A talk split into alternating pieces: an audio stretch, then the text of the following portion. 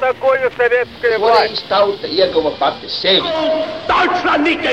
Liktenīgas nejaušības un slēptas likumsakarības, subjektīvas patiesības un objektīvi aizspriedumi. Pēc atkušņa nekad nenāk uzreiz pavasars, bet sākās Arī šodien cilvēki ir ļoti tuvredzīgi. Viņi redz to naudu, kas ir. Televīzijā jau pamatā notiek cīņa par varu. Pagātne no šodienas skatu punkta un šodienas caur pagātnes prizmu. Raidījumā šīs dienas acīm. Katru svētdienu Latvijas radio eterā Eduards Liniņš. Labdien, cienījamie klausītāji! Šogad mēs atzīmējam 105. gadsimtu kopš Latvijas valstiskuma tapšanas. Savukārt Turcijas republika šogad, 29. oktobrī, svinēja savu simtgadi.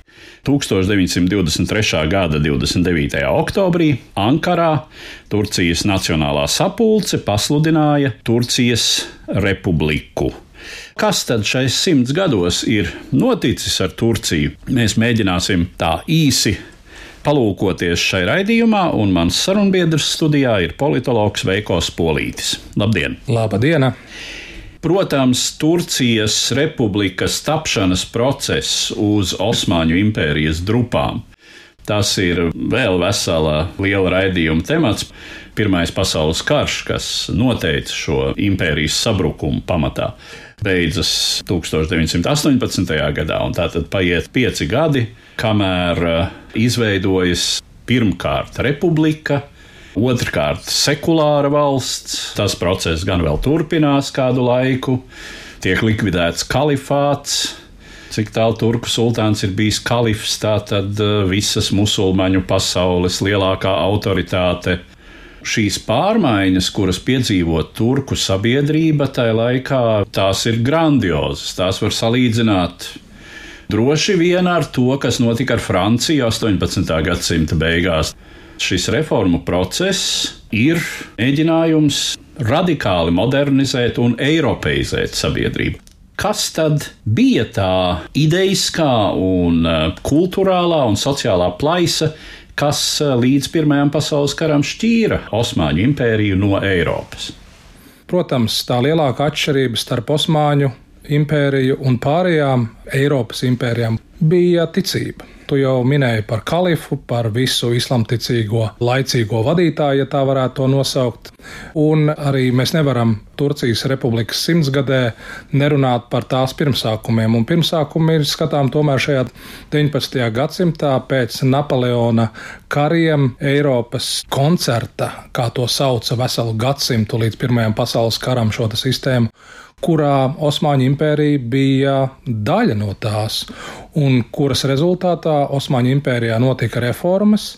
Līdzīgas kādas tās notika Romānava impērijā, mēs zinām par jaunlatviešiem, mēs zinām par marksisma kustības attīstību jauno strāvu. Līdzīgas attīstības notika arī Osmaņu impērijā, jauno turku kustība, Tanzimata periods, kurš vislielāko nozīmi ieguva tieši sultāna Abdulhamīda laikā, kur tika pieņemta konstitūcija jau 1873. ja nemaldos, un tad vienkārši Balkānu kara rezultātā tās iekšpolitiskās pārmaiņas, kas notika Osmaņu impērijā, ļāva Abdulhamīdam atcelt šo konstitūciju līdz 1908. gadam, kur atkal viņš viņu atjaunoja. Līdz ar to tās pārmaiņas, cilvēku plūšana no laukiem uz lielajām pilsētām, mazo uzņēmumu attīstība, tātad dažādas konstitucionālās reformas un brīvības gatavoja Turciju tam, lai pēc Pirmā pasaules kara jau Kemala Atatürka vadībā nonāktu līdz 1923. gada 29. oktobrim, un šeit es pieminēju Kemala Atatürku tulkojumā turku tēvu. Tātad viņš pieņēma šo pseidonīmu Kemāls pašā, un patiesībā tam ir ļoti simboliska nozīme. Pats Kemāls Adatirks ir dzimis un izglītojies Salonikos, šodienas Tesalonikos, Grieķijā. Un līdz ar to viņš ļoti labi pazina Balkānu reģionu. Tas viņam bija kā piemērs, kādai būtu jākļūt Turcijai. Un līdz ar to pēc 1923. gada 29. oktobra mēs redzam ļoti mērķiecīgas reformas. Alfa alfabēta nomaiņa, tiesu izveida, protams, pirmais protoparlaments, jeb Meģlis Nacionālā asambleja Ankarā. Vēl viens aspekts, ka Turcija no tādas daudznacionālas impērijas centra kļūst par eh, nacionālu valsti. Un turku nacionālisms tā ir valdošā ideja, kas kļūst par šīs valsts idejas kodolu. Turku nacionālisms, kas ir pamatots Turcijas republikā un republikas tajos saucamajos sešos pilāros, ko ļoti labi var redzēt Turcijas Nacionālās tautas partijas simbolikā, kuru sarkana pamata ir sešas bultas, kas tātad apzīmē nacionālismu, valstiskumu, republikānismu, laicīgumu un uh, demokrātiju, pēc būtības iezīmē to, ko tu tikko stāstīji. Otra lieta, neaizmirsīsim, kas bija svarīgi, un šeit mēs varam vilkt paralēli paralēls arī ar Romanovу impēriju, kad jau jaunturkiem ļoti svarīgi bija izcīnīt turku nacionālisma kārti. Un patiesībā, ja mēs skatāmies uz šodienas Krievijas problēmām, mēs redzam, kādā veidā Turcija cauri neatkarības karam 1919. līdz 23. gadā, kur bija jācīnās pret Britiem no vienas puses un Grieķiem no otras puses, un tad vēl arī Itāļu. Tā kā šajā gadījumā Turku nacionālā identitāte bija pretmets identitāti, kur Osmaņu impērijā balstījās osmānismā, jeb impēriskajā identitātē un islāmiskajā identitātē. Tā kā bija divas identitātes, un jaunturki spēja nonākt līdz šai turciskajai identitātei, kura pamatojās turku nacionālismā, un šeit nav lielas atšķirības starp Latviju vai Somiju un Vāciju un Itāliju, un līdz ar to Tas bija tas pamats, kuru paņēma arī Kemals Atatürks, lai būvētu turku nacionālo valsti. Viņš saprata arī ģeopolitisko situāciju, kas valdīja pēc neatkarības kara, noslēdza Maskavā līgumu ar Ļeņinu, un šeit mēs, skatoties tādās paralēlēs starp Latviju un Turciju, varam redzēt, ka gan Turcija noslēdza līgumu ar Padomu Krieviju, gan arī Latvija, bet Turcijas gan vēsturiskā nozīme, geogrāfiskais lielums un arī tautas skaits, protams, iezīmē pavisam citu vēstures attīstības gaitu, kā mēs to redzēsim. Bet jā, nacionālā ideja un tieši republikas identitāte bija tas pamats, uz kurai būvēta Turcija un kura joprojām attīstās un šādi vairo demokrātiskās procedūras, un tas ir bijis process, kurš ir ilgs jau veselu gadsimtu. Vēl viena ļoti būtiska Šī procesa daļa ir sievietes uh, loma sabiedrībā, kas vispār Pirmā pasaules kara rezultātā radikāli mainās visā Eiropā, pasaulē. Sievietes sāk ieņemt daudz redzamāku vietu sabiedrībā, un uh, arī Latvijai tas ir brīdis, kad beidzot arī sievietes var pilntiesīgi iet pie vēlēšanu urnām un arī tikt ievēlētas. Lai gan te nu paralēli arī ir diezgan skaidri pamanāma, kā Latvijā, tā Turcijā ir atsevišķas deputātes, ir atsevišķas politiķas. Tomēr sieviete politikā tas nav salīdzināms ar mūsdienām. Cik es atceros lasījis, tad um, Kemāls Atatürks pat mēģina tā kā veicina, lai rastos arī tāda pilnvērtīga daudzpartiju sistēma, bet tā tā arī nerodas, jo tomēr tā centrēšanās uz viņu kā autoritāti un līdz ar to šī viņa nodibinātā Republikāniskā tautas partija paliek faktiski vienīgā līdz pat 1945. gadam. Un tikai tad sāk veidoties Turcijā daudzpartiju sistēma. Tev ir pilnīgi taisnība. Mazliet atkāpēji, ja mēs skatāmies par vēlmi saskatīt politiskā sistēmā stingro roku mums nav tālu jāmeklē. Tepatās eh, Latvijā mēs redzam nemitīgu atsauci uz stingro roku.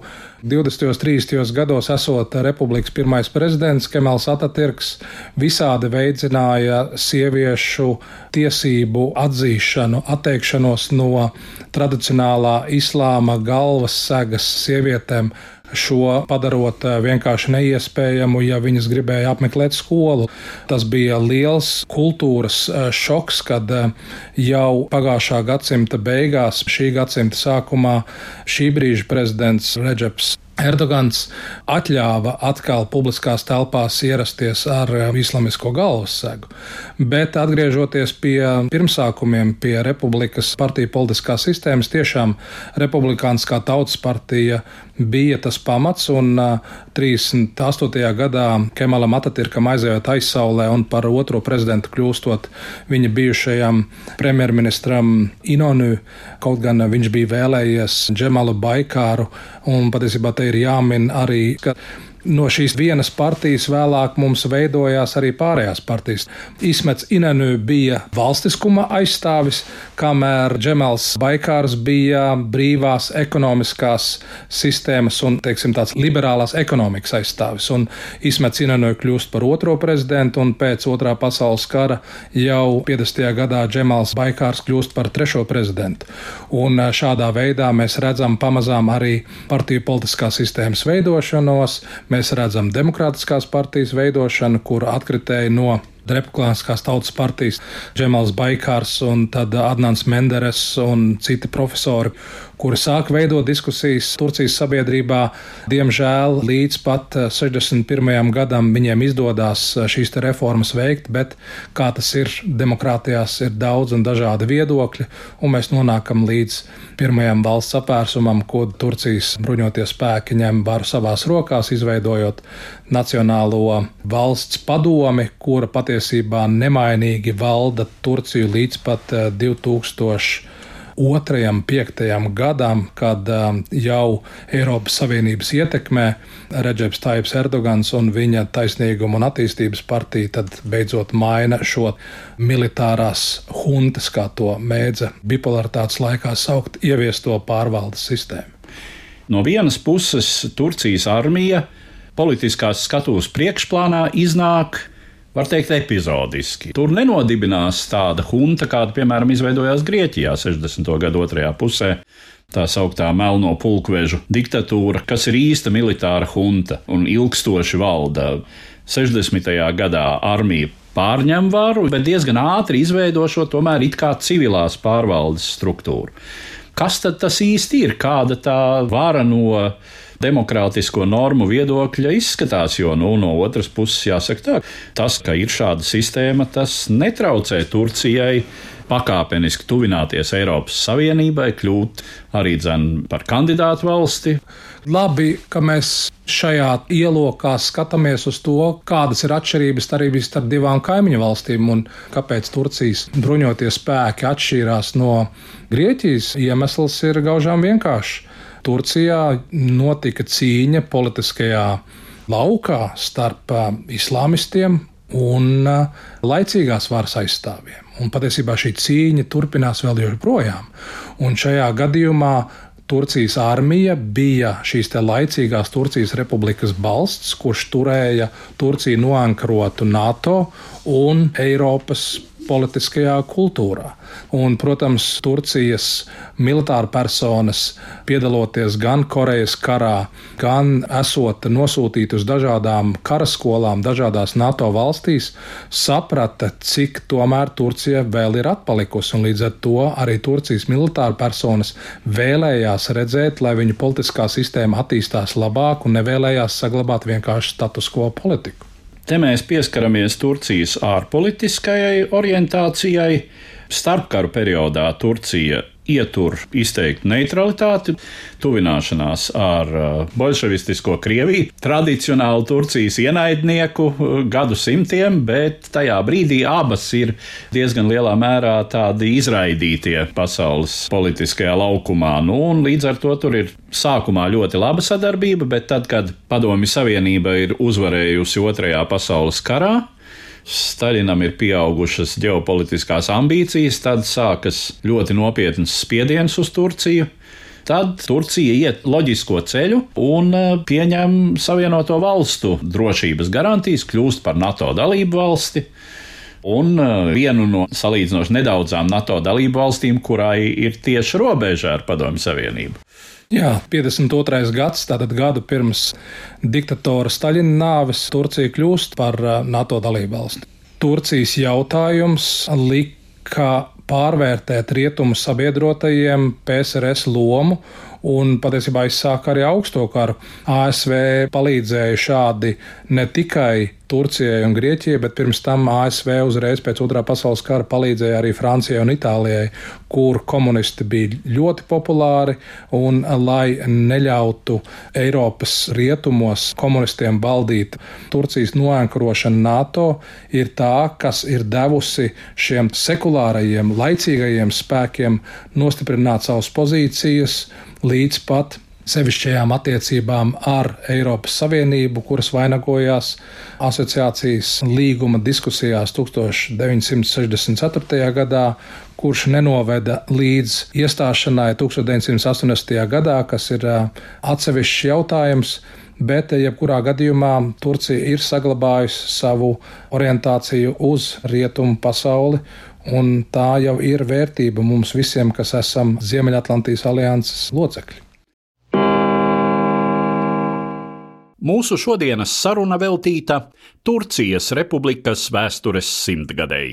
Mans sarunbiedrs studijā politologs Veikos Polītis.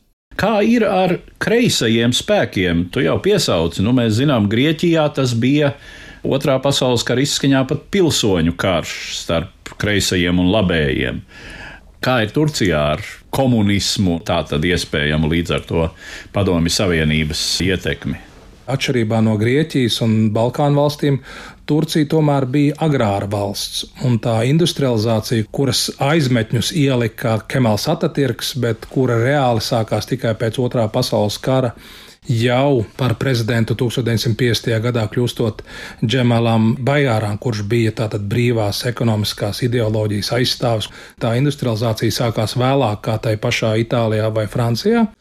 Un arī viņu nominālais līderis, premjerministrs Adnants Menderes, kurš kļuva par premjeru pēc Džemala Baikāra 1950. gadā, viņš ļoti atklāti teica, ka galvenais Turcijai ir saražot kaut kādu ekonomisku labumu, un tad mēs varam tikai domāt par to, kādā veidā to izdalīt vienkārši tautas masām. Tas neglāba pašu Adnanu Menderesu, jo viņš nespējot nodrošināt proletariāta, kas saplūda augošajās Stambulā, Izmirā, Ankarā un citās Turcijas pilsētās, kur mēs joprojām, atšķirībā no Rietumēropas pilsētām, redzam vēl geto līdzīgi kā tas ir Brazīlijā, piemēram. Šajā gadījumā viņam bija atkal jādodas pēc palīdzības uz PSRS, un par šādu nodevību tad jau 1960. gadā veicot valsts apmērsumu, Adanu Menderes un vēl divus demokrātiskās partijas pārstāvis sodīja ar nāvi. Jā, tāds fakts arī ir bet um, Kipras konflikts joprojām klātesošs, drīz jau būs pusgadsimts. Tātad 1974. Uh, gadā. Te gan jāsaka tā, ka droši vien Turcijas invāzija Kiprā, kuru tolaik iztēloja gan Padomju Savienībā, gan citur, teiksim, arī rietumos, kreisi orientētā prese un aprindas kā agresiju bet tā problēma jau bija tāda, ka Kiprā notika militārs apvērsums, pie varas nāca spēki, kuri bija orientēti uz pievienošanos Grieķijai. Bet Kipra gadsimtu gaitā bija izveidojusies kā valsts ar dalītu iedzīvotāju sastāvu. Grieķi bija vairākumā, bet ļoti ievērojama turku. 20%. Jā. Kas notiktu ar šiem turkiem, ja Kipra pievienotos Grieķijai? kā tika garantētas viņa tiesības, Turcija iejaucās militāri. Rezultāts ir zināms. Valsts ir joprojām sadalīta. Kipra, kas ir uh, Eiropas Savienības dalībvalsts, tā ir Kipras dienvidu daļa, un savukārt uh, valsts ziemeļos joprojām pastāv starptautiski neatzītā Turku Kipras republika. Joprojām notiek arī sarunu process Tas bija jautājums par nacionālām interesēm un par turku nacionālām interesēm, jo mēs jau sākumā minējām, kādā veidā Turcijas republika dibinājās cauri neatkarības karam. Apziņa, ka Osmaņu impērija ir zaudējusi savas teritorijas, tā kā šajā gadījumā turki to nevarēja šādi atstāt un uh, ieguvuši startautisku varējumu Korejas karā, turki nolēma Ziemeļkipru aizstāvēt arī militāriem līdzekļiem. Līdz ar to mums joprojām ir demarkācijas līnijas starp Dienvidu un Ziemeļkipru. Mums ir politisks regulējums. Kipra ir kļuvusi par Eiropas Savienības dalībvalsti dēļ tā, ka turku valoda ir viena no oficiālajām Eiropas Savienības valodām, to daudz aizmirst. Bet galvenais jautājums šobrīd ir zemes īpašumi. Un šis zemes īpašuma jautājums, ja viņš tiks risināts, mēs arī varam paredzēt, kad arī Kipras jautājums var tikt risināts tādā veidā, kad arī apvienoto nāciju zilās ķiveres beidzot pazudīs no šīs salas. Kipras jautājumam droši vien es veltīšu kādu raidījumu visdrīzāk nākamgad, kad būs tā pusgadsimta gadskārta kopš šīs problēmas rašanās. Vēl viens etnisks konflikts, kas sāk risināties Turcijā ne uzreiz pēc republikas radīšanas, tiek minēts, ka ar pagājušā gadsimta 80. gadu vidu parādās nopietna kurdu bruņota pretestība Turcijas centrālajai varai. Kas ir tie galvenie iemesli, kāpēc līdz tam nē, bet šajā brīdī kurdi sāk savu nacionālās pretošanās cīņu? Tieši tāpat kā mēs šobrīd, sēžot Rīgā, vērojam notikumus Gazas sektorā, gan Gazas sektora problēmu saknes ir meklējamas tajā pašā sektorā, kur mēs redzam kurdu problēmas. Tātad problēmas sākums ir darba partija, kura ir PSRS valsts drošības komitejas finansēta un līdzdibināta.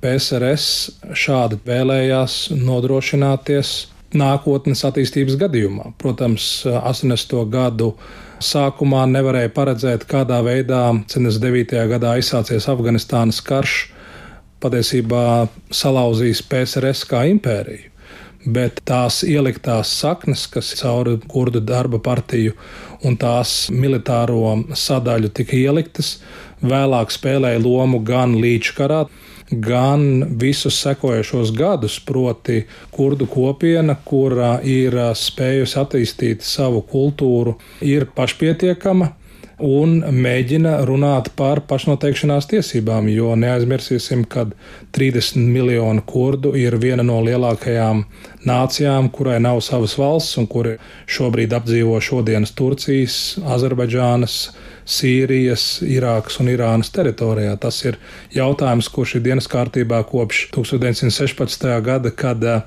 Francijas, Lielbritānijas un Krievijas pārstāvis sprieda par to, kā būtu jāsadala Osmaņu mantojums.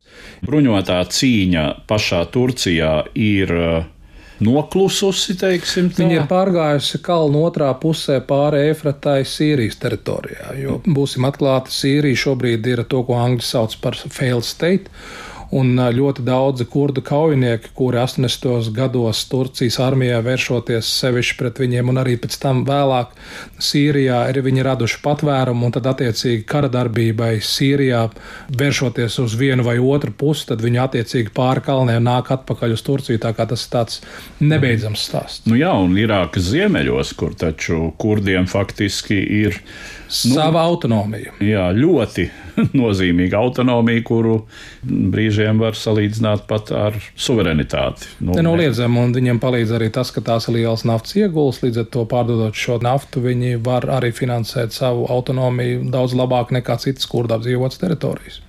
Droši vien, ka tas kurdu jautājums ir viens no tiem, kas uztur tādu apdraudētības izjūtu, nacionālās apziņas spriedzi Turcijā. Un uh, ar šiem motīviem lielā mērā arī laikam ir skaidrojama attīstība šajā gadsimtā, kad pie varas nākot pašreizējam joprojām prezidentam Radžipam Taipam Erdoganam un viņa taisnīguma un attīstības partijai. Tas ir 2002. Uh, gads. Vēlēšana ceļā partija nāk pie varas.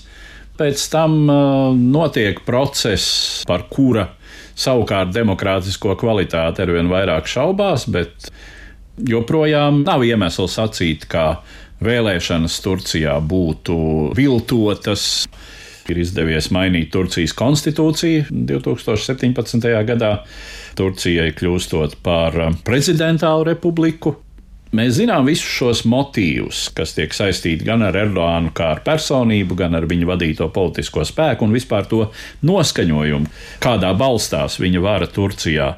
Tie ir zināmā mērā Turcijas lielvalstiskuma atzimšanas motīvi, Tās ir izteiktas simpātijas pret islāmu un uh, reliģiski konservatīvo virzienu sabiedrībā. Vai mēs varam teikt, ka zināmā mērā Erdogans ir anti-Atatürks, kurš mēģina dekonstruēt daudz ko no tā, ko veidoja Turcijas republikas pamatlicējs? Ļoti daudz cilvēku Turcijā un ārpus Turcijas tev piekristu.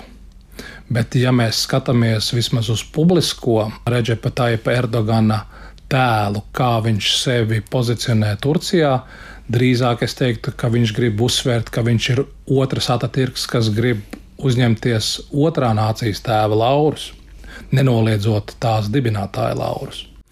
Loks ir noslēdzies šogad Republikas simtsgadē. Turcijas nacionālisma identitātes kārts, kas bija noteicošā visu 20. gadsimtu.